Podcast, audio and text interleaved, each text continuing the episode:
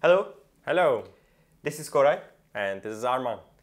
Um, this is our first episode. We try to record it in English, and today we are going to talk about the MVP process.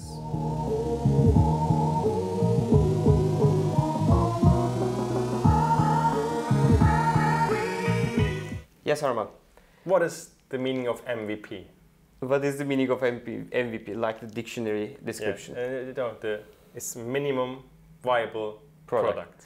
So it's a what really does it mean? really really hard process for the entrepreneurs to decide what i'm going to put into my uh, development of my product so as entrepreneurs as developers we like to put everything until we launch our first product so because of that it takes really really long time so this is one of the biggest uh, problem for most of the entrepreneurs who try to develop their first product Yeah, so it starts like you have an idea, then you uh, throw it on paper, and then you start developing the idea, and then the biggest problem starts the developers to occur. never yes, because you have you are like, okay, let's build this, and then you are like, oh, I have another great idea, so let's uh, add a new um, Feature. a, a new feature to it, and then another feature, and then uh, you want to launch, but it becomes You- a never-ending story. the, the you as entrepreneur you always see the missing parts and as you see them you will you, you are thinking like okay if i can see the missing parts then they can then my customers my users will be seeing the missing parts so i have to complete them also to launch a really great Product. version one of our product but the problem is most of the ideas you have your customers won't use ever maybe That's right. and you have a lose lose. You lose time because you're developing, developing, and developing. And the second one is you have features which users don't use. So you have lost time and you have built something which isn't You, you lost your time, you lost your money, you lost your Ex- exactly. emotion, you lost your mentality because you are struggling about when I'm going to finish it. So that's where, where uh, an MVP comes in That's into right. play. So uh, the meaning of MVP is the minimum viable product. So develop a product which has only the core features. Let, let us give an example. Okay. Think about the Instagram. So um, the Instagram today has lots of features. But if we go back when they launched the product, it has really limited features. So it's only able to share the picture, Yes. right? And only a comment section. Even though there is no like button, there is no com- there is no maybe share the the Instagram photo to the Facebook or somewhere else. There is no feature for the filters. exactly. So keep it as simple as possible.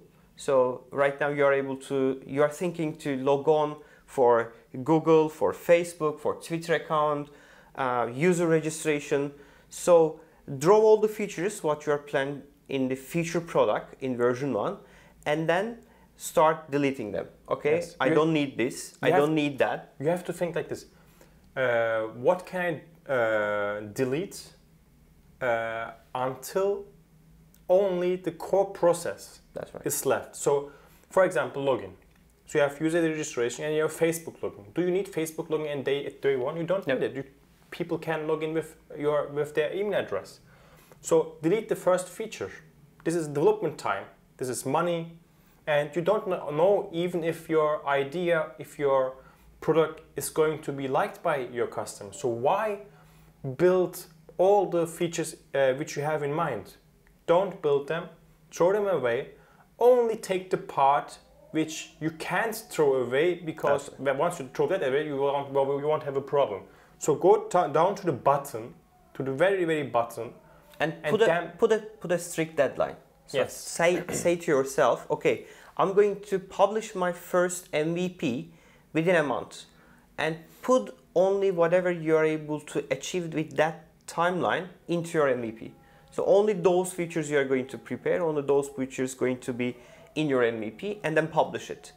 Because after you publish, you're going to get lots of feedback from the Exactly. users and you are not the best user for your product and your friends your mother your uncle your girlfriend is not the best user for your product because the real users, uh, they, they, they are going to be free to free to contact you.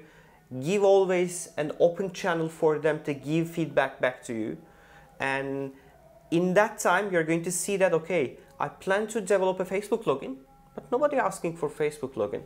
So the people asking is fully different features than you expected. Yes. Then you are going to have a fully different path to your uh, final product. So uh, exactly. So uh, when you wrap up, it's like you build your MVP and then check. You have you have to implement a user feedback feature. That's very important. So you have to open a channel to listen to your customers or your users about what uh, they think about your product. If they like it, don't like it, if they have any comments or not. And believe me, they will have comments. They will. And every comment doesn't mean a new feature. That's it. It So is another. It's, it's another Yes. critical issue. So you're going to get lots of feedbacks, but you have to somehow group them.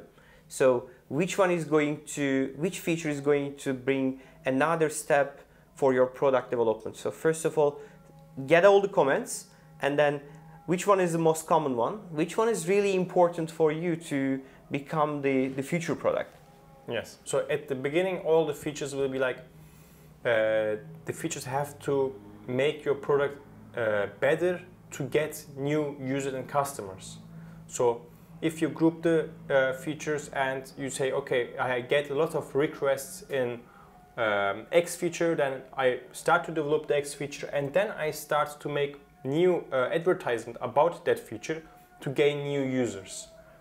And this is actually how your product is going to grow That's right. uh, first of all, it will be the request from your users, and then you will start to take requests, or you will uh, create new requests for to make money. That's right. And one other important issue, the metrics. So you have to measure everything. So you have to measure, you have to track your users, how they are using your program, and you have to be set a MVP that you are able to do some A/B test. So if I put that color into my product, the people are liking the red or they like the blue. So during that MVP development, put some uh, some minimum measures, some put some uh, decide some KPIs, and then track them, because those me- those measures, those those metrics help you to understand the customer behavior. So they, they're not going to use your application, your program, your website uh, as you are thinking. So maybe they have a fully different path. Maybe they are interesting, um, a fully different part of your product. So you're able to see what their expectation, and Yes. then you are able to decide the how I how I should develop my product in the next version. Okay, Okay. I think this is. So this is uh, our first episode, as we said uh, in English. So I hope you like it. So um, we are publishing this uh, new English episode, and we are going to invite some uh, entrepreneurs to our show. Uh, please subscribe our channel, and please share our uh, videos if you like it. And for the uh, our old uh, subscribers, uh, please uh, give us some feedback about Yes. new uh, English episodes. Uh, thank you for your watching. Thank you. See you in the next See you next episode. video. Bye. Bye.